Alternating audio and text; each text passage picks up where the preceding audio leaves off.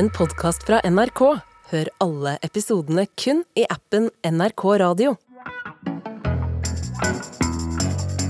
Det är ju sådana folk man må ha i krig också. Männen är de bästa konstnärerna. Vi ska bara köpa in det bästa.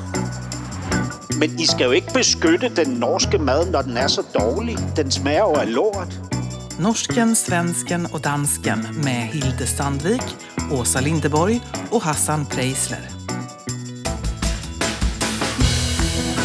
Velkommen til Norsken, Svensken og Dansken, vår ukentlige panskandinaviske familieterapi med svenske Åsa Linderborg, danske Hassan Preisler og mig, norske Hilde Sandvik, klar til sjælelig og national dissekering. Og hvordan har vi haft det siden sist? Eh, du har jo været igennem en aldrig så liten milepæl også. Det er det første programmet av eh, kongedokumentaren du har jobbet og slidt med et år er ute. Kendes det greit? Ja, må jeg ikke lige sige, fordi jeg har set det første afsnit. Altså, det, det er fucking fantastisk. Ja, okay. Åsa. ja, men vi ska inte göra reklam Det är för, för, ja, ja, vi ska inte göra reklam för, för, för mina grejer här. Men jag har ju varit med om en annan grej som är mycket Ja, roligare. men du kan säga lite også. Du kan ikke hoppe over det sådan nej, helt. nej, men jag vill inte göra reklam. Ja, men då får vi kritik för det. Så, alltså, nej. Okay. Ja. okay, vi kan gøre reklam. Ja, men det har ni gjort. Ja, tack. Eh. Ska vi köra? Ja, vi kör. Jag har varit med om något som är mycket roligare, mycket mer morsomt, guj och show och allt vad ni säger den här veckan. Ni kan inte fatta vad som har hänt mig. Nej. Är ni beredda? Sitter ni ner och vill ni höra? Ja. Okej. Mitt barnbarn Lisen har sagt mormor för första gången. Alltså, fatta vad det gör med en människa. Ej, hvor dejligt. Ah, vilken hvor er grej. det skønt. Og, og hvordan er det? Lisen er 12 år gammel, ikke? Nej, hon är ett och ett halvt. Jag, liksom, jag har väntat på det här i 18 månader. Men eh, nu har det skett. Du trodde hun skulle komme rätt ut og sige mormor med en gang. Ja, jag tycker väl att man ska, att man ska presentera sig. Men hur som helst, vad jag märkte när jag var och hämtade Lisen, då, barnbarnet, på det som på svenska heter förskola. Det som förut hette daghem. Förskola. Vad heter det hos er? Jo da. Eh, børnehave. Föris, säger man. barnehagen. Barnehage. Ja. Jag var och Vugge, häm- vuggestue hedder det først, og så børnehave. Ja, okej. Ja, Vugge- föris säger man på svenska nu. Ja. förut hette det dagis och nu heter det föris. Vad jag märkte, det var att det var väldigt många mor och farföräldrar, bästemor och bästefar, som kom och hämtade sina barnbarn. Därför att föräldrarna har inte råd att göra annat än jobba heltid. Så att hela den här, den generationen helt enkelt måste förlita sig på att någon annan kan hjälpa till att ta hand om barnen. Därför att räntorna är så höga, det är så dyrt att bo, det är så dyrt att leva. Men kan jeg få lov til at skyte ind eh, også? Det er jo ikke sikkert at eh, man jobber fullt, fordi man ikke har råd noe andet. Det kan jo være for at man har lyst til at jobbe fullt. Så kan det naturligtvis också vara. Men, eh, men jag vet ju också väldigt många föräldrar som skulle vilja gå ner i tid eller ha sex timmars arbetsdag. så här, Som faktiskt inte har råd. Stockholm är ju skitdyrt att bo i. Jag bara tänker hela den här, man pratar om eh, vad gör pensionärer och så här. Det är en jätteviktig del av ekonomin helt enkelt. Ja. De henter barnebarn. Ja, de gör faktiskt det. Altså, i, i, i Danmark har vi faktisk en lidt modsatrettet bevægelse, fordi øh, det er sådan, at, øh, at en ud af tre øh, øh, positioner som pædagog på en børnehave eller en vuggestue er ubesat. Så der er så massiv personalemangel, at institutionerne er begyndt at skrive hjem sms'er til forældrene. Hvis I kan, så hold jeres børn hjemme. Og det, mm. det, det har faktisk ført til, til sådan en modsatrettet bevægelse, hvor forældre er, er frivilligt er, er begyndt at gå hjemme. Er ikke frivilligt, men også frivilligt er begyndt at træffe valg om at få finansiering fra kommunen til mm. at gå med deres børn derhjemme. Ja. Ikke? Vi har samma problem i Sverige. Här, många förskolor i, i Sverige uppmanar sina föräldrar att komma och hämta barnen tidigare därför att de har inte personal. Ja, nemlig. Vad har ni gjort då? Hassan, Øh, ja, altså jeg har haft en, en, øh, altså en anderledes uge, fordi øh, nu er der så mange mennesker, der siger til mig, at jeg ikke længere skal have min øh, mobiltelefon i soveværelset liggende ved siden af mig. Altså både min datter, min kæreste og min analytiker siger øh, mo- mobiltelefonen ud af, af sengen. Ikke? Så jeg er begyndt at læse bøger i stedet for om natten, mm. når jeg ikke kan mm. sove. Mm. Øhm, og øh, problemet er, at, øh, at jeg har faktisk læst nogle mega spændende bøger. Uh, altså blandt andet uh, Tove Ditlevsen, altså den, den danske stjerneforfatters uh, Ja, altså måske hovedværk, synes jeg øh, i hvert fald. Altså den selvbiografiske bog Gift. Og så sådan en helt spritny bog af en meget ung forfatter, der hedder Anna Jul.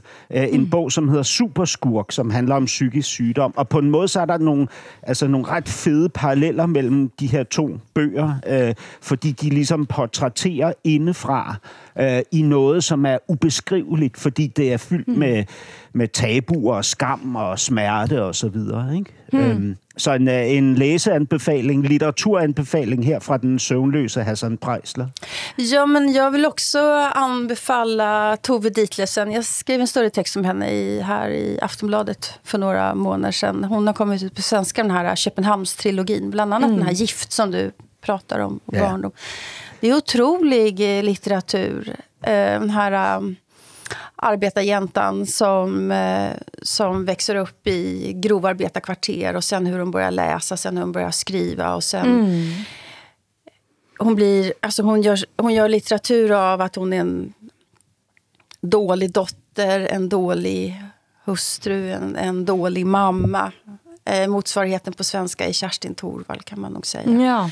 Det är en fantastisk mm. litteratur. Så att, eh, jag blir så glad, eh, Hassan, att du eh, rekommenderar den. Det var en stor artikel i The New Yorker för något år sedan också. Hon har slagit igenom i USA nu. Ja. Hon, hon dog ju för egen hand eh, på 70-talet tror jag. Så det är länge sedan. Men tänk att få ett sånt internationellt genombrott så sent. Mm. Yeah. Men jag undrar Hassan, jag blir så nyfiken. Din din, eh, din kone och din, eh, och din dotter ja. och din psykiatriker har sagt samma sak, att du ska lägga från dig telefonen. Vem lyssnar du mest på de där tre? altså, nu er hun ikke psykiater, hun er psykolog øh, og, og ah, ja, ja. analytiker, ikke? Men øh, jeg, jeg, jeg lytter klart mest til min datter. Øh, du gør det? Ja, ja, absolut. Ja. ja. Hilde, vad har du tenkte, gjort denne nei, veckan? Jeg, må, jeg tenkte bare på at uh, lyden av Kari Bremnes som sang Tove Ditlevsen var lyden av min ungdom. Mitt hjerte hamrer og hamrer som ville det aldri stanse. Og jeg kender det næsten i kroppen. De diktene som eh, Tove Ditlevsen skrev, uh, blev altså tonsatt av Kari Bremnes på en så stærk måte at det var lyden av min, eh, mine nok så formaterende år, vil jeg si. Oi. Ja. Men jeg har haft en uke med relativt god eh, tid, eh, så jeg har også læst og sett og hørt mig gjennom mye. Men så tester jeg også kunstig intelligens, fordi jeg tror at dette er det nye våpenkappløpet. Eh, konst, altså, kunstig, konst, kunstig intelligens. Art, artificiell Artific intelligens på ja, svenska. Oi. Eh, mm. altså som, som jeg tænker kommer til at blive en slags atombombe. Nå uh, til ja. morgen så så jeg at uh, Palatin og, og Murdoch og gængen, altså Peter Thiel og gængen har nu lagt en slags uh, freedom uh, artificial intelligence, som der du skal på en måte, altså fordi den som er lanceret, ChatGTP, er så venstreorientert som de mener, og nå kommer, nå kommer svaret på det. Men så spurgte jeg da, hvad norsken, svensken og dansken er. Og den kunne altså fortælle mig dette. Dette var altså ikke Palantir og Murdoch sin eh, AI, men eh, chat GTP. Svaret. Norsken, svensken og dansken er en podcast, som ser på likheter og forskeller mellem Norge, Sverige og Danmark. Podcasten er laget av tre veninder ja du Hassan. Nu får du gå till din psykolog igen tror jag. alltså, det, det är ju inte bra. det, det har jag inte något problem med. Det, det är helt fint. Jag vill men gärna alltså, vara jeres veninde. Alltså jag fattar ingenting av artificiell intelligens. Men får jag fråga, till exempel när jag satt och chattade häromdagen, med, jag behövde, jag behövde hjälp med en sak, gick in på nätet och satt och chattade och skrev. Eh, och så upptäckte jag efter ett tag att det var en, en, en bot, en bot, en bot, heter det så? En, Som ja, en bot. En bot som svarade mig. Är det artificiell intelligens? Ja, det er, det er kunstig intelligens. Alltså för mig det var så jävla konstigt. Alltså jag sitter där och så här, hej hej, jag heter Åsa, bla bla. Och sen så efter ett tag förstår jag att det är en robot jag sitter och pratar med. Ja. Och då tänker jag så här, här sitter jag och är trevlig inför en maskin.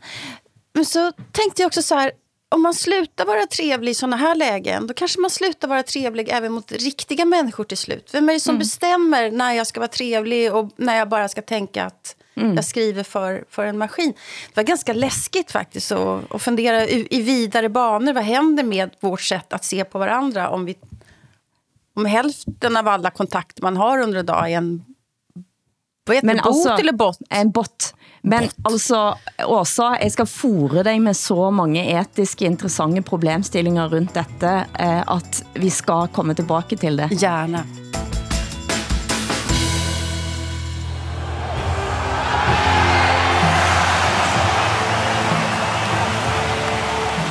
Hassan, du skal få lov til at hovere fem sekunder over at eh, Danmark eh, triumferte i i løbet av uken som gik. Altså, øh, det, det, det, altså, det er jo som at stjæle slik, slik fra børn, øh, go, godis fra barn. Øh, altså, øh, jamen, øh, det var jo a walk in the park, som det hedder på dansk. Øh, at vinde det her øh, VM i, øh, i håndbold øh, i Stockholm i øvrigt øh, på Osas hjemmebane. Øh, triumferede Danmark. øh, altså, jamen, så eftertrykkeligt. Altså, ja. Jamen, og det er jo tredje gang i træk. Øh, Ja, det på, den måde, klogt. på den måde slår Danmark jo verdens øh, eller historisk rekord, ikke? For det er aldrig sket før, at en nation har vundet håndbold-VM tre år efter hinanden. Ikke? Ja, men Øh, det det har Danmark ja. gjort nu. Nej, det, är det är fantastiskt. Men jag tänker Danmark vann ju ytterligare en tävling den här veckan. Och det är att Danmark är världens minst korrupta land. Medans och, och Norge ligger på tredje plats och Sverige halkar efter. Jag har en, en idé här, jag funderar på våra lyssnare. Jag skulle vilja att vi, nor, vi pratar om korruption eh, i eh, något kommande program. Och kanske om våra lyssnare kan höra av sig till oss med exempel, i alla fall från Sverige, där, där korruptionen faktiskt, faktiskt växer. Gärna några lyssnarexempel som vi kanske kan ta upp och prata om och se ifall ni tycker att det är korrupt eller inte. Vad tycker ni om en sån idé? Er en god, god idé. idé. Ja. En veldig Øh, god idé. Ja, men då, hallå alla lyssnare då, skicka in. Men spørgsmålet er, om de, alle de svensker, som er korrupte, vil ringe ind til, til det, det her po- program og, og angive deres korruption. Øh, det ved jeg.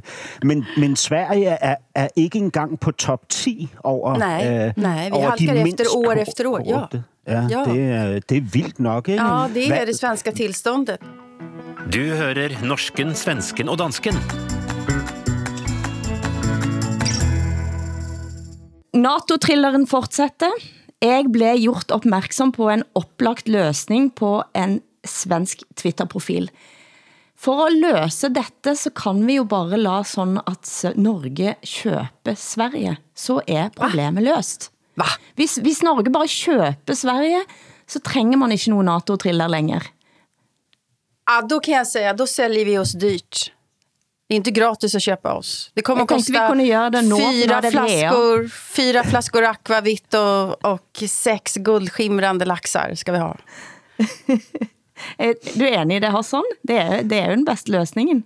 Ja, altså, jeg, jeg ved ikke om det... Altså, det er jo en løsning. Jeg, jeg, jeg har jo øh, ligesom advokeret for en anden øh, løsning, som jeg mener er den bedste, og det er, at man sætter altså den, den øh, tyrkiske præsident under massivt pres for, for det, den her absurde afpresning, som han foretager lige nu. Ikke?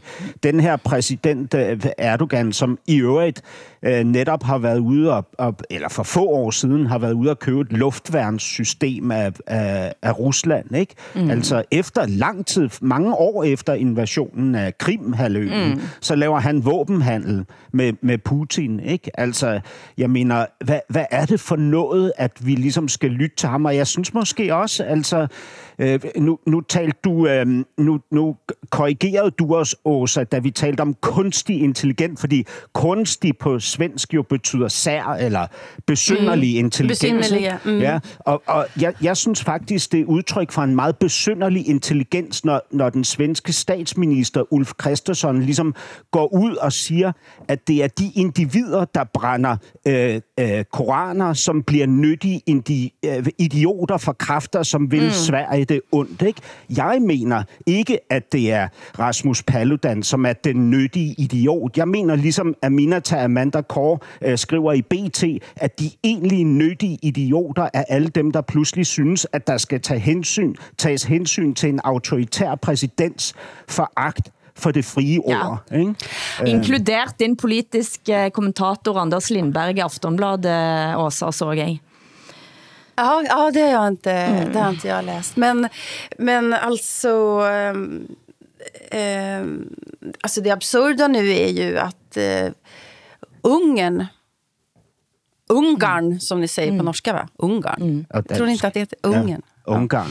Ungarn. Ungern. Eh, de har ju nu också börjat hacka på Sverige att vi är dumma mot muslimer. Alltså Ungern av alla Ja, länder anklagar Sverige för att inte Ja. ha, visa respekt för sina, sina minoriteter. Den här veckan har Erdogan sagt att det, det blir ingen NATO-förhandling överhuvudtaget så länge man får bränna koraner i Sverige.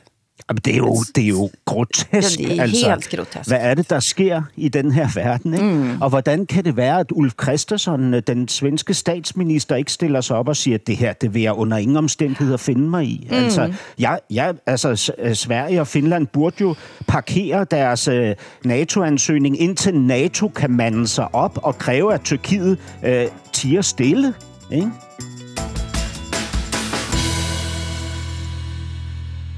Den danske regeringen, styrt av en kvinde, får kritik for ikke ansætte kvindelige rådgivere.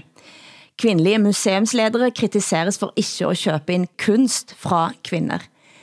Jeg forstår intet, kommenterte du, Hassan. Hvad er det, du ikke forstår? Ja, øh, men, men jeg, det er jo fordi, jeg kunne godt tænke mig at tage den her øh, snak med jer to. Ikke? Har øh, kvinder en øget forpligtelse til at sikre øh, ordentlig repræsentation, altså lige, lige, lighed ikke? mellem kønnene, ligestilling, øh, når de opnår magt? Altså har øh, statsministeren pligt til at, øh, eller øh, ja, moralsk pligt i hvert fald, til at sørge for, at der er langt bedre ministerrepræsentation. Ikke? Vi har jo meget få, altså færre, færre end i mange år, øh, kvindelige ministre, ikke? Og, og det er faktisk kun er en fjerdedel af de en ud af fire øh, socialdemokratiske ministre, som er kvinder, ikke? Va?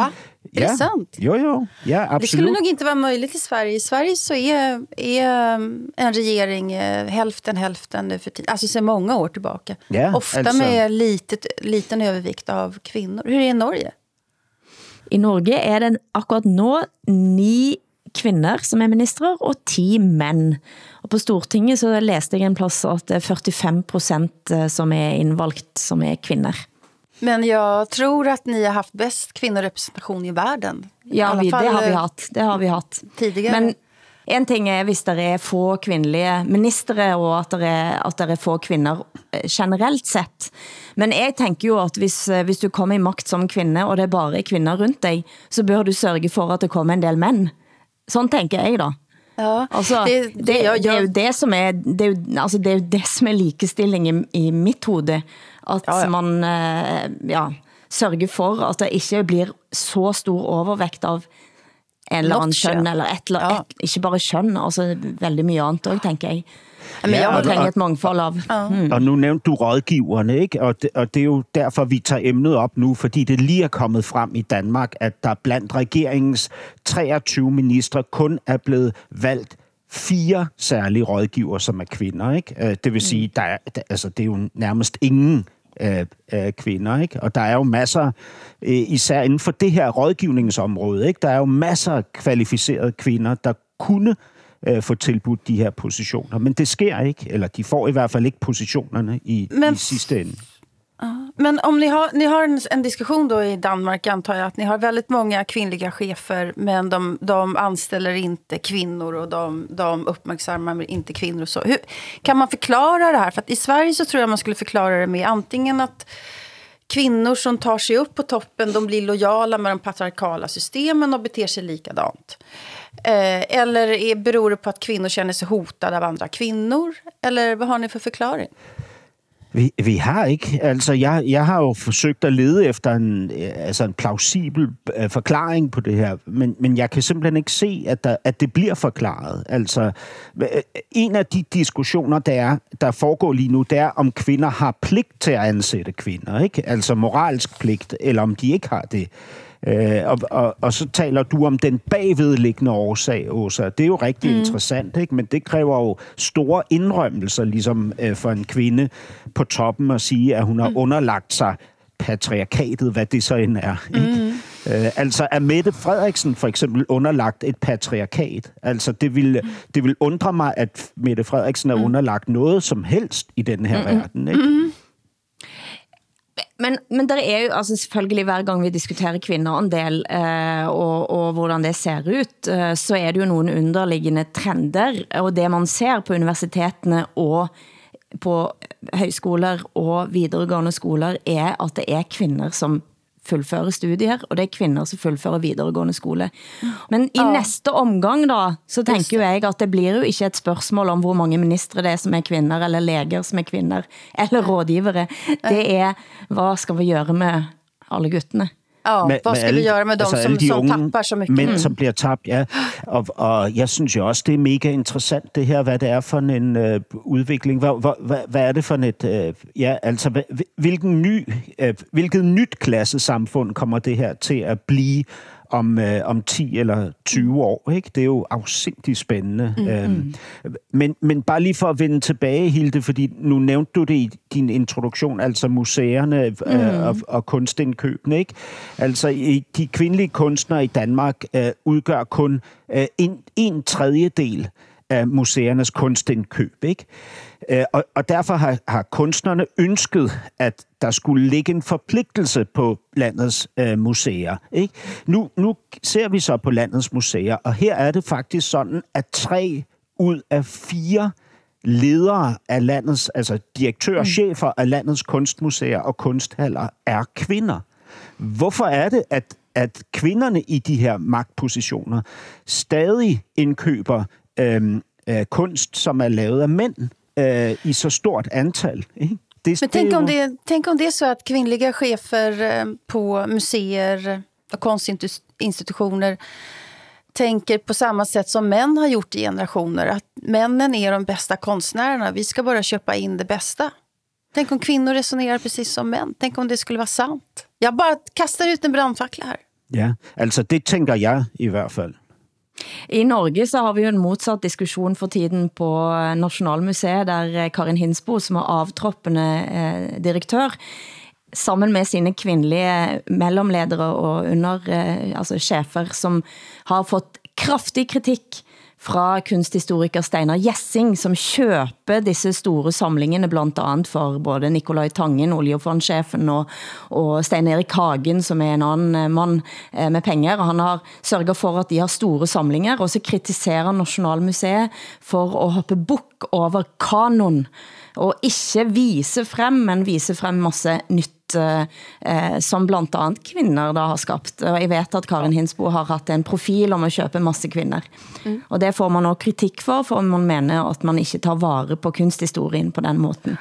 Der har vi valgt at give rum til andre kunstnere, mm. som vi mener har manglet igennem de sidste 50 eller 100 årene på væggene i den nye samlingspræsentation. Så vi har ikke ønsket at gøre en mere konservativ øh, version. Vi har ønsket at gøre øh, kunsthistorien al honør, men også omskrive den på nogle områder, hvor vi mm. mener, at den burde omskrives. Og igen, så træffer man nogle valg.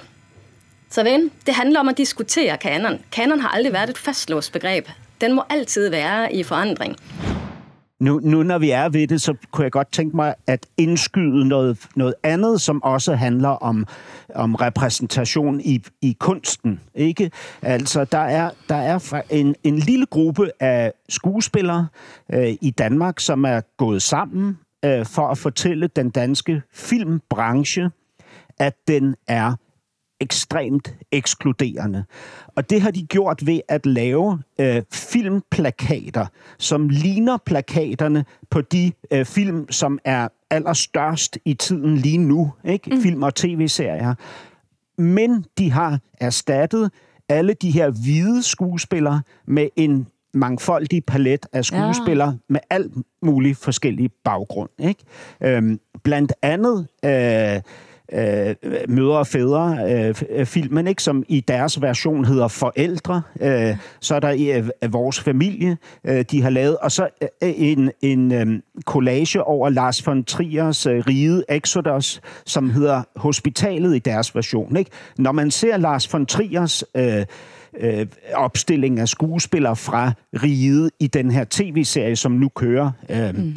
øh, så, så bemærker man jo, at samtlige, altså samtlige skuespillere er hvide. Ja. Og, og vi ved, når vi besøger et, et hospital hvor som helst i Danmark, at sådan ser personale sammensætning altså overhovedet ikke ud længere. Mm. Altså, der er et overtal af farvede mennesker, som er ansat på de danske hospitaler. Og det her, det er Lars von Trier så blevet konfronteret med den her kritik. Ikke? Mm. Og Lars von Trier siger selvfølgelig, rend mig i røven. Han nægter at, underlægge, at lade sig underlægge den form for fascisme, kalder han det, ikke? At ønske uh, kvoter og, og anklage for diskriminering osv. Men det är den diskussion vi har haft i Sverige. Vi har ju haft en eh, sån eh, medveten kulturpolitik att man ska befrämja till exempel inom film så ska, ska ex, extra pengar till kvinnliga filmare och, och så vidare. Det har funnits en mångfaldsdiskussion som man i Sverige då tyckte slog över åt, andra, åt, åt det andra hållet. Att mm. eh, man, man kunde inte laga en film ifall det inte var eh, en, en viss mm. uppsättning mm. representationer hela tiden. Det var ju det som var den här stora utredningen visade då, att det blir till slut en, en tvångströja det också. Ja. Helt klart. Uh, og det, men, men det er jo også interessant i den branche, at der er så mange kvindelige chefer, men at de så vælger at ansætte mandlige øh, instruktører, altså regissører, til at, øh, at ved instruere. Det så oh. sådan er det i Danmark. Øh, og at kvindelige filminstruktører i stort tal vælger mandlige hovedroller til deres, øh, øh, mm. i, der, i deres oh, produktioner. Ja. Ikke? Mm. Det er jo også interessant. Men, men, men, også, de, øh, men hvis jeg bare lige må indskyde bare lige en lille ting. Det er fordi, mm. den her gruppe af, af farvede skuespillere demonstrerer ikke noget behov for kvoter. Mm. De, gør, de gør via et, øh, deres eget kunstneriske udtryk opmærksom på en absurditet. Ikke? Mm. Og for mig så afslører de, at både Lars von Triers Ride og Mødre og Fædre, den her nye film af Paprika Sten, kommer mm. til at fremstå lidt fortidige, altså lidt mm. gammeldags. Mm. Fordi, øhm, fordi det, det ligner faktisk et Danmark øh, fra 60-tallet eller, eller før. ikke? Fordi det nye Danmark ser anderledes ud, især i en skoleklasse, og især på hospitalet. Ikke? Ja, og det var egentlig det jeg eh, skulle til at sige, for jeg tænker jo at først og fremmest så viser dette en latskap, jeg. Eh, og disse mm. kvindelige chefene som ansetter eh, likt eller eh, altså trier for den del, som ikke klarer at se rundt sig på hvilke talenter som kommer, så tænker jeg jo først og fremmest er det latskap, og den har jeg kendt i mig selv, eh, da jeg var chef, eh, og skulle ansætte altså folk. Altså dogenskab? Ja, dovenskap. Ja. Ja. Fordi hvis man skal tænke, altså det umiddelbare navnet som falder ned i hovedet på dig, er ofte en mand. Uh, og, og det, det er, altså Vibeke, uh, eh, hvad heter hun, Hanne Vibeke Holst, eh, som skrev dronningtrilogien for, for veldig mange år siden, eh, om den første kvindelige statsminister længe før Helle thorning Smith. Mm. Men hun, hun skriver der om eh, en indre monolog, som, eh, som da statsministeren, som er en mand, fører med sig selv, når han skal plukke ut en ny minister. Og så går han igennem alle, hele listen, og så er det alle damene hæftet noget med, og så tænker han, Gi, med, gi en ung mand en dressjakke, og han vokser ind i den. Uh, og det er jo den type latskap. Hvem er det vi visualiserer som kan mm. gøre en jobb? Mm. Og der tænker jeg at den, disse plakatene, som du fortæller om nu, Hassan, de viser frem de går ikke ind og siger gennem kulturråd, nu skal vi have mangfold, men de bare viser frem. Lige Og det, de viser det frem på en måde, som gør, at man bliver lidt pinligt berørt. Ja. Altså, jeg tænker, hvis ikke, hvis ikke Lars von Trier bliver lidt flau, eh, så, så stusser jeg. Ja. Ja. Altså Lars von Absolut. Trier øh, har, har jo travlt med at vise omverdenen, at han aldrig bliver flov, ikke? Og det, Ja, ja, jeg ved det. Det er vel også det. derfor, han reagerer, som han gør, ikke? Men, det, men der, der tænker jeg, at han inde i sig bliver lidt flau likevel. Ja, altså de mennesker, der er omkring ham, ikke? Altså hans Ja. kvindelige producer blandt andet, Ja, ja, ja. ja. Og, og, og så videre, ikke? De andre regissører, øh, instruktører, som ikke har ønsket at udtale sig i forbindelse Mm. med, med den her sag, ikke? H- Hvorfor ser den her skoleklasses forældregruppe ud, som den gør i Paprika Stens film og i Thomas Winterbergs film og så videre, ikke? Men jag, jag håller helt med Hilda att eh, alltså det man behöver ha är ju blandade arbetsplatser. Män och kvinnor. Alltså könsensidiga arbetsplatser blir tråkiga. Og fuld av hersketeknikker. Ja, det blir de oavsett kön. I Danmark diskuteres kvindelig værnepligt. Hassan, hvordan ser det ut? Ja, og det, det er jo øh, spændende, fordi det her er jo øh, øh, et eksempel på egentlig strukturel diskrimination. Ikke? Altså, øh, øh, i Danmark er det sådan, at, øh, at mænd har værnepligt, men kvinder har værneret. Ikke? Og det betyder, at man kan melde sig til øh, det danske forsvar som kvinde, hvis man ønsker det. Man kan også stoppe igen, når man ikke længere har lyst til at aftjene sin værnepligt med en måneds varsel mm. uden grund. Ikke? Øh, mænd kan jo kun med, med, med anstrengelse slippe ud af deres øh, værnepligt. Ikke? Øhm, og nu er det altså sådan, at, at en lang række partier, øh, både på højre- og venstrefløjen, har tilsluttet sig, at der også skal være værnepligt for kvinder, fordi vi skal jo gøre op mm. med strukturel diskriminering. Det er klart, ikke? Nu har vi det fodslæbende socialdemokrati, som sikkert venter på en eller anden popularitetsundersøgelse, før de melder ud, hvad de ønsker at, øh, at tilslutte sig. Ikke? Øh, Partiet siger lige nu, at de er åben for en forandring, men vil ikke melde klart ud. Mm. Og på samme måde har Moderaterne Liberal Alliance heller ikke taget stilling. Men det, som jeg synes er interessant, var, at jeg hørte det gode programmet Orientering på danske P1. Jeg tror, det vil være entydigt positivt for det danske forsvar, hvis vi får kvære kvinder i trøjen. I løbet af to dage gik det fra en tanke til noget, der nu ligner en politisk realitet. Flere kvinder skal være værnepligtige. Forsvaret skal være en, en moderne arbejdsplads, som, som afspejler det omkringliggende samfund som diskuterer eh, da dette spørgsmål heftig, eh, sammen med Anne-Katrine Ribnitski, eh, som selvfølgelig selv har været i forsvar længe og skrevet bøger om eh, og kvindelige krigere i Afghanistan og, og så videre. Men det som blev et åbenbart for mig, var hvor tynd diskussionen blir, når man ikke ser over til Norge, der vi har haft allmän værneplikt for eh, kvinder siden 2015. Man snakker altså i orientering som om at dette er helt fritt fra hvordan det ser ut i resten av verden. Og man kunne så enkelt ha taget en, enkel, altså en liten telefon til Norge og spurgt, hvordan fungerer det? Hvad er konsekvenserne? Hvad har kritikken været? Og nu er det faktisk sådan, at der er cirka 7.500 som, er i, eh, som er, har førstegangstjeneste i Norge hvert år. Eh, Det betyder se- 13 procent av hvert årskull. I 2021 så var altså 71 procent mænd og 29 procent kvinder. Mm. Eh, Og kvinder og mænd i Norge deler også rum i først- førstegangstjenesten. Oj, det är helt otroligt. Men, alltså, men, men jag måste ändå eh, fråga då. Ni har inte allmän värnplikt, utan man, man, man kan be om att få göra värnplikt i Norge och Danmark, va? Nej, altså man har al- almen værneplikt. Ja, det har vi også i Danmark. Ja. Men, men Hilde, jeg forstår ikke, det må vel være 50 procent af, af den norske her, som består af kvinder? Øh, Nej, altså foreløbig så er det en tredjedel, under en tredjedel kvinder. Nå. Det er jo bare 13 procent av hvert årskull som kommer ind i forsvaret. Det er, det er jo bare en liten andel av alle som faktisk ender op så i førstegangstjenesten. Men jeg må Ja. bare sige, at de tal, du fremstiller, de mm. matcher fuldstændig de danske tal. Mm. Vi, har, vi har endda lidt flere kvinder. Vi har 29 procent kvinder. Mm. Alene ved, ved frivillig tilmelding mm. til værnepligten fra kvinders side. Ikke? Så, så man kan jo sige, at jeres øh, værnepligt for kvinder ikke har forandret tingene væ- eller ikke ville forandre tingene væsentligt for, kvinde, for kønssammensætning i Danmark. det har gått op eh, i andel av eh, kvinder, som er i, i førstegangstjenesten. Og det har jo været selvfølgelig problemer også. Eh, men altså, de danske kvinderne i forsvaret, de er allikevel ikke så tøffe som de norske, da, Hassan. Det kan jeg bare sige nu.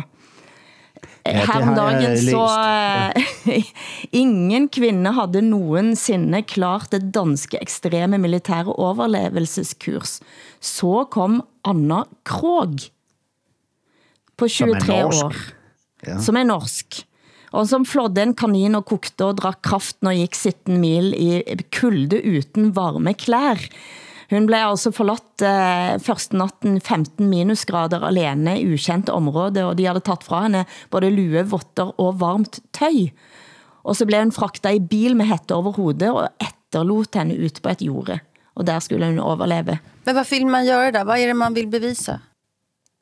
Altså, det er jo sånne folk man må ha i krig også.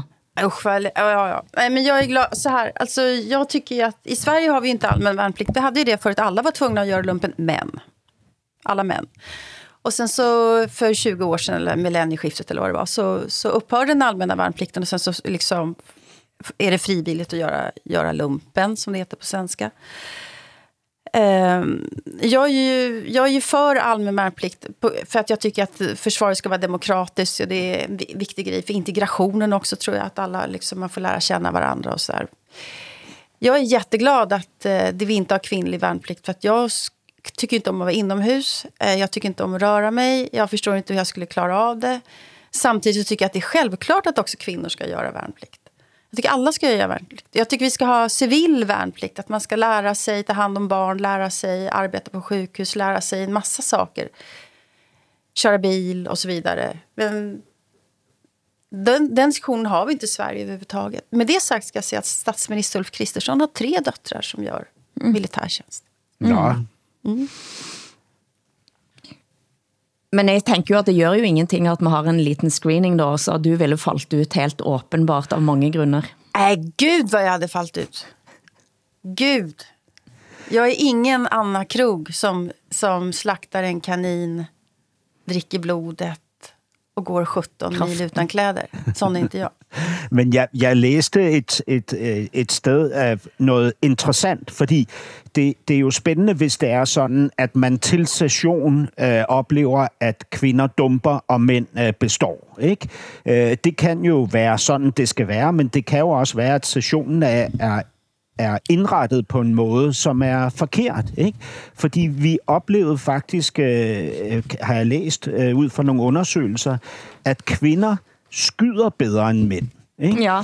Ja, og, så, og så undersøgte man, hvorfor de skyder bedre end mænd. Ikke? Og det handlede faktisk om en psykologisk faktor. Ikke? Mm. Mænd tænker, det kan jeg, det behøver ja. jeg ikke at lære. Mens kvinder tænker, det kan jeg ikke, det skal jeg lære. Ikke? Mm. Og derfor så bliver de skide gode til at, uh, at ramme deres mål. Ikke? Og det er jo mm. godt i en krigssituation. Ikke? Når russerne kommer, skal vi jo kunne skyde russerne. Uh, og det kan uh, de, de nordiske kvinder. Ja, ja, men jag kan skjuta lite Min- grann i alla fall, kan jag berätta. Min søn sa, at han, eh, det var de, som han var mest imponert over i, sitt, i, i førstegangstjenesten han var der, eh, på denne såkaldte helvetesuken, som jo er en helvetesuke, så var han mest imponert av en del av kvinnerne i troppen. Åbenbart. Det finns ju, eh, alltså under eh, andra världskriget så hade ju Röda armén kvinnor som flög stridsflygplan på nätterna. Nattens häxor kallades de för. Och de var ju mycket, mycket modigare än männen någonsin har varit. Alltså otroligt mycket skickligare flygare än männen. Vi er inne i prisutdelingstid. I Sverige er Guldbaggen en svenske Oscar og P3 Guld delt ut eh, til, stor opstandelse. Både i Norge og Danmark er det folk som nu har rettet sig kraftigt op i ryggen efter at have gått på røde løper, men her må jeg ile til. Det var først da jeg hørte den svenske podcasten Alex og Sigge, at jeg blev for alvor ops på en særlig side ved prisutdelingen, nemlig takketalen. Alex Schulman havde mærket sig en tendens. Talerne takker familien først og fremst. Mor altså, og sine egne barn. Kjempetakk til familie og venner, og allermest takk til kona mi, Jenny. Jag vill också tacka min fina, fina familj.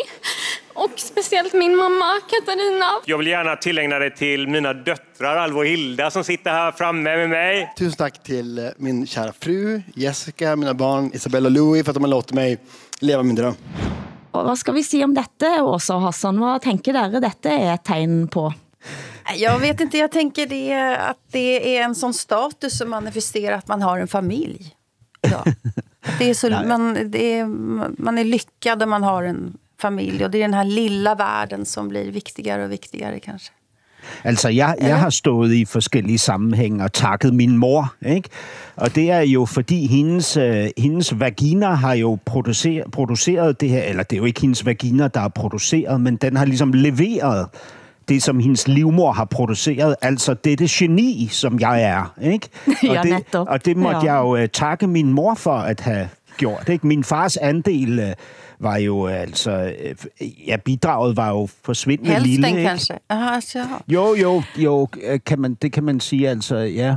Altså, han, ja, ja. Men- Men, altså, men men genetisk var det halvdelen, ikke? Men, men Men Ja. testar det här upp er. När man står där och tackar sin familj och sin kone och sin fru och allt upp det där. Är det inte lite att, att eh, man har varit ute på en stor resa som Odysseus ungefär. Och man har kämpat och man har slitit. Eh, och känner ni igen mig nu när jag är tillbaka? Nu är pappa Ja. hemma igen. Eh, och nu ska jag stanna. Och så, och så vet man ju att han vill ju bara ut igen på en ny resa och göra en ny film och ut, ut i det där äventyret som är mycket roligare. Men är det, är det inte någonting hjälte grejen? Eller? jo, Nej? jo, jo, fuldstændig. Fordi det er jo også det, er jo det der med at demonstrere sin, den ultimative offervillighed. Ikke? Altså, det. Ja, du Just forlader dine børn, din kone og din mor. Det er altid dem, du Ja, forlader. man offrar ikke? sig för konsten på ett sätt Så. Ja, ja så Men tager jo- du ud i verden for at, øh, ja, og du, du, øh, du risikerer meget derude, og så vender du hjem igen, ikke? Og, og bliver øh, omfavnet ved, ved døren til dit hus, af, netop af din kone, dine børn og din mor, ikke? Ifølge øh, mytologien i hvert fald. Den mytologi, som vi jo bærer rundt på som mænd, ikke? Som et å, altså. Fuck det lort, jeg er træt af det, altså. Men det snyggaste tacktalet som jag någonsin har hört eh, på en Guldbaggegala, det var när Stellan Skarsgård på, på 80-talet fick en Guldbagge. Och eh, han går bara upp och säger, jag vill tacka min bror som har lånat ut den här kostymen till mig. ja, Ja. Det er vel flot. men, men det er jo det eneste reelle, ikke? Det er jo at stille sig op og takke sin fucking redaktør, ikke? Ja, og det var- sin det var- korrekturlæser, ikke? Og, og, hvad hedder det, øh, trykkeriarbejderne, som printede bogen og, og så videre. Altså, men jeg må indrømme at det var en glæde da at komme over en nok så anden type takketale, nemlig forfatter Christian Egander Skov tale efter at have modtaget Viken Avisens litteraturpris for boken Borgerlig krise, som kom ut i fjor. Eh, danske Christiane Egander som er vel både historiker og tidligere konservativ politiker, har med borgerlig krise suverænt erobret rollen som den mest vidtskuende og dybt analyserede betrakter av det blå Danmarks elendigheter, skrev eh, Arne Hardis, som nominerte denne boken til prisen. Men jeg havde lyst til at bare ta med os det som en sån modsætning til denne narcissismen, da, som, som når disse takketalene viser frem. For Egander Skov, han lager en tapertale. Eh, og det han snakker om i denne tapertalen, er at eh, vi er forsvundet. Altså at borgerligheten har gjort det konservative ståsted til et eh, liberalt individuelt ståsted, og man har glemt fællesskabet og folkeligheden. Eh, læste dere denne talen? Ja det, ja, det gjorde jag. Och jag har eh, beställt boken för att eh, den verkar så otroligt intressant. Men alltså, det är väldigt spännande när en borgerlig tänkare eh, börjar ifrågasätta den här konkurrensstaten och vad som gör med eh, gemenskapen när den, när den här välfärdsstaten ersätts av det här neoliberala. Där det bara finns ett jag. Jag, jag, jag, jag. Eh, hur, hur man ser på sin omgivning och hur man ser på sig själv. Och hur vilsen man blir. Eh, det verkar vara en otroligt intressant bok. Så mm den skal jeg læse. Ja, helt, helt klart. Øh, det skal jeg også. Øh, og det, det er jo en bog, der går sin sejrsgang lige nu. Ikke? Han, han bliver jo øh, hyldet som, ja, som sådan et nyt, et nyt tænker-ikon ikke? i den her tid. Altså, som man tidligere hyldede af informationschefredaktør Rune Lykkeberg. Ikke? Så siger man nu... Øhm, om, om, om ham her, ikke? At han er, øh, altså Christian Eander Skov, at han er, øh, hvad hedder det, ja, denne tids tænker, ikke? Jeg synes, det er mega interessant, det her med, at han ligesom formulerer, at det, det borgerlige oprør, som vi havde i Danmark, måske i 60-tallet, 70-tallet osv., ble, ligesom blev opslugt af staten. Altså, det var et ideologisk kvalificeret oprør, som øh, blev øh, omfavnet. Øh, mm og, og, og hvad gjorde man så med alle de her oprørere, som lige pludselig på, på, som stod ude på den borgerlige øh, side, og ikke længere havde nogen mulighed for at udtrykke sig. Ikke? Dem gav man neoliberalismen. Ikke? Mm. Og her, der kunne de så dyrke deres oprørske øh, trang til at, øh, at, at stille sig op mod statens overmagt. Ikke? Øhm, det var altså det er jo en, en mega spændende analyse, mm. ikke? Og, og en forklaring på, hvorfor man ude på højrefløjen har samlet, har savnet en samlet, øh, samlende kraft, ikke? Altså mm. noget, som du netop nævnte, altså noget, der ligesom øh, kan, kan stå på mål for det kollektive, ikke? Og, og det er så det, han mener nu, at vi svinger hen imod, ikke? Mm. Pendulet svinger mod det kollektive, siger han, ikke? Men kollektiv som det, det folkelige og ikke som staten. Og det er jo netop det som jeg synes er det interessante i denne analysen. Ja, fast jag, ja, ja, jag har inte läst boken men jag uppfattar ändå att det är en väldigt stark kritik mot den här neoliberala marknadsliberalismen. Man kan ja, liksom inte det. plocka bort ekonomin från staten och från medborgarna. Det hänger ju ihop som en symbios ju. Helt klart. Men når, når jeg læser, altså jeg har begynt at læse boken, øh, og han fortæller jo historien om, hvordan han selv kom ind i politikken ved at gå rundt med buttons, jeg elsker mine ting, ja, så, som, som, som, et, øh, som en protest. Da. Men det, det, hans kritik går jo mot den neoliberale teknokratiet, mm. altså øh, velfærdsstaten, som har blitt til, et, øh, til en butik. Mm. og, og, og og, og der de borgerlige mener, at de kan styre det mye bedre end socialdemokraterne kan eh, med at tænke enda mer instrumentelt. Og denne, denne neoliberale teknokratiet er jo som at læse om det som sker i Arbeiderpartiet i Norge i øjeblikket, synes jeg. Eh, så det, de, de konvergerer jo eh, disse ja, men den här managementkulturen som han pratar om, det är en ekonomi ja. helt enkelt. Och den, och den är också en psykologi. Den finns ju snart sagt överallt.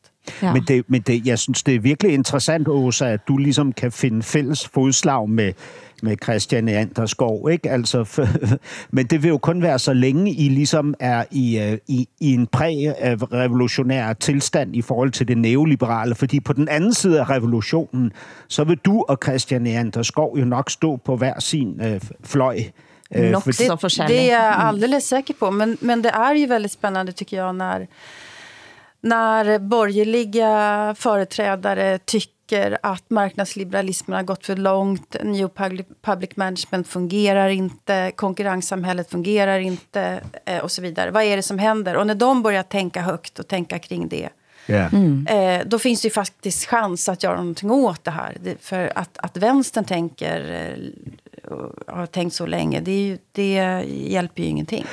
Yeah. Det er rigtigt. Og, og, og så, øh, hvad hedder det, Hilde, så har jeg bare sådan en, et citat, jeg synes er så formidabelt, især som advarsel til de øvrige nordiske socialdemokratier. Fordi Christian Anders Skov skriver, at vi i Danmark har en teknokratisk stor koalition med et socialdemokrati, som har kappet fortøjningerne og driver rundt i skiftende ideologiske farvande. Ikke? Mm. Det, er, Mm. det er mega godt og meget Mm. præcist uh, formuleret. Ikke? Men han satt altså på Liberal Halvtime, som er Civita sin eh, podcast, Civita tenke, eh, tankesmien på højresiden i, i Norge, eh, og sammen med Mathilde Fasting, og snakke om behovet for en nordisk offentlighet. Eh, og det tenkte jeg, det tar vi jo selvfølgelig, det tar jo vi ansvar for, eh, og det håber jeg de vet. Du lyssnar på norsken, svensken och dansken. Tiden er i færd med at løbe fra oss, og det er til trods for at jeg sitter i Norge og ikke Danmark. For vidste dere at tiden er i Danmark er 0,7 millisekund raskere end for resten av oss andre? Hva? Altså danskene, har, danskene lever 0,7 millisekund før oss. Det er klart, Men- de vinner handbolls-VM og EM om det blir Jo, men det, det, fortæl, det, det forklarer jo mange ting, at, at vi er lidt foran øh, øh, Norge og Sverige. Men varför är det så ikke? där? Varför, varför har inte ni samma, samma tideräkning som alla vi andra? Jamen, det skyldes nogle, nogle tekni, tekniske faktorer, som jeg har meget, meget svært ved at forstå, men det, invol, det involverer Bornholm. Ja. Ja, det är klart. Men ska ni göra något åt det där eller ska det vara så här? Vi, vi, øh, vi kommer til at forandre det. Vi, vi har besluttet os for at, øh, at, at synke ned på niveau med, med I andre. Spännande at se. Det er en ændring av en 130 år gammel lov, som justerte tiden i Danmark, som ganske ret involverer Bornholm. En lov om tidens bestemmelse.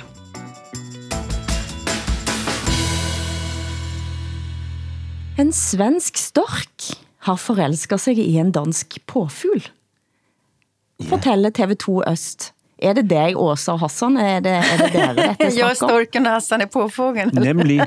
Altså, det, det var præcis det, jeg tænkte, Hilde, da du, da du øh, hvad hedder det, ligesom henviste til den her historie. Det er jo det er en svensk stork, som er, som er fløjet hen over, over Sjælland, og så har den øh, i nærheden af Ringsted, har den her stork set en påfugl stå dernede, som den syntes var så smuk, at den måtte, øh, at den måtte gøre kur til påfuglen. Ikke? Og nu er den her stork, svenske stork, altså i gang med at bygge en rede, og, og håber på, at det vil udvikle sig med påfuglen. Ikke? Ja, fortsättning Øhm, följer. Vi får ja. se som Men, men, det, men det virker jo som de har et forhold. Jeg så et bilde der denne påfuglen tripper lidt sådan på vej op til dette rede, som storken har bygget. Nej.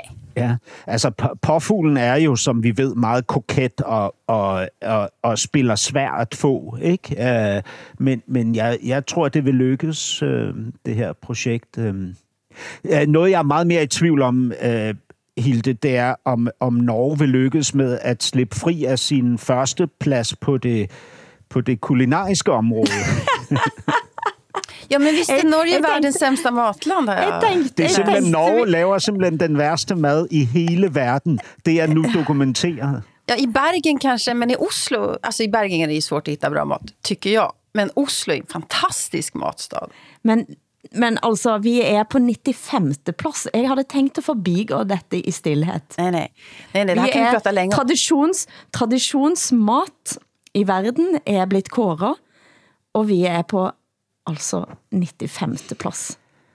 Oj, oj, oj. Men, men, Altså al- Danmark, Danmark ligger rundt eh, 35 eller noget sånt, og svenskene på 62. plads. Va? Låg vi så långt ner? Ja, ja, ja. men, men Nej, det här var ett prøv- tråkigt samtalsämne faktiskt. Prøv høre, jeg har aldrig sagt det her, men nu har vi jo øh, i forbindelse med det her program og vores podcast her, har, vi, har Åsa og jeg jo været i Norge nogle gange, ikke?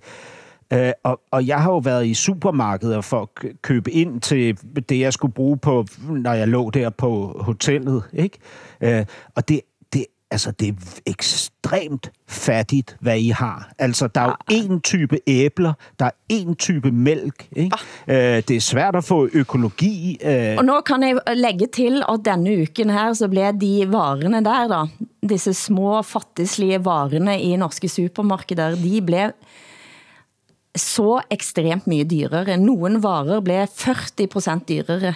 Eh, natt til eh, 1. februar så blev mesten alt priser om i butikkene eh, på okay. en måte som man ikke har sett på veldig, veldig længe. Men en av grunden til dette, og dette er så stort tema, at dette skal vi snakke om ordentligt en gang. For en av grunden til dette er, at vi har så høje tolvmurer i Norge eh, for at man skal bevare, at det skal faktisk være muligt at producere mat i Norge også, så sætter man op skyhøje tolvmurer eh, for alt som eh, kommer mat fra, fra utlandet. Men I skal Men jo ikke beskytte den norske mad, når den er så dårlig. Den smager jo af lort. Altså, den her idén om, at ni skulle köpa Sverige för fyra flaskor akvavit och tre laxar, det tror jag inte vi går med på längre. Det går ikke med. Nej. Nej. Men eh, altså, stork og påfugl, det minder jo om denne nydelige sangen til Shubidua Hassan. Storken er en dejlig flyver, men altså før vi går ut på den, så må vi analysere denne teksten lidt Ja, det, det, det er jo ikke, den hedder jo ikke Storken er en dejlig flyver, den hedder Danmark er et dejligt land. Okay. Uh, og, og yderligere analyse behøver vi jo ikke at foretage. Altså. Mælkepiken pumper sin jet, uh, hører vi blandt andet blive sunget her, men det kan da blive sidste ord fra os i ukens norsken, svensken og dansken. Se solen stiger op over Birkegården